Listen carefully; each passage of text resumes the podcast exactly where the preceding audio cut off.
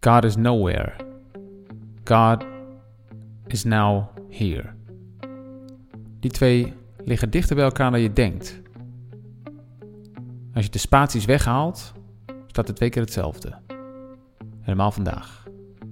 Stille zaterdag.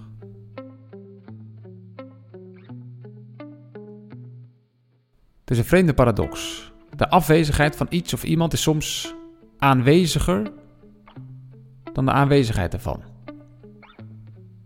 Nog een keer. De afwezigheid van iets of iemand kan aanweziger zijn dan de aanwezigheid ervan. Een man weet niet wat hij mist, zingt de dijk. Pas als ze er niet is, weet de man pas wat hij mist. De afwezigheid is sterker aanwezig dan toen er nog geen afwezigheid was. Volgens mij is het spot on een beschrijving van onze wereld met God. Hij is er niet meer, beweren we. Maar met die woorden brengen we God weer voor het voetlicht. Ik ben een atheïst, zegt iemand. Maar het zegt niks over wat ze wel is, wat ze wel gelooft.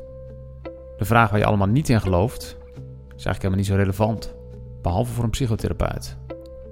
Die let wat je niet zegt, of op waar je ogenschijnlijk overheen praat.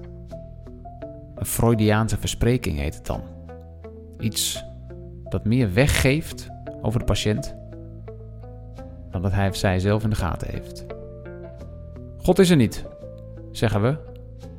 En precies dat brengt hem tot leven. Help, zei de filosoof Gianni Fatima ooit. Ik ben christen. Ik geloof, geloof ik. Wat ik ook doe, het blijft bij me.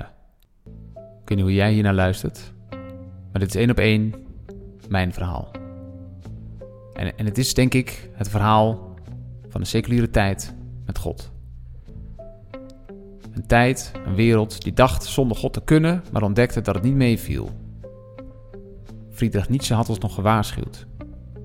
In zijn tekst over de dood van God. God is nowhere. Dat is de vraag voor vandaag. Welke kant valt het balletje op voor jou? Of ben je een stille zaterdag type?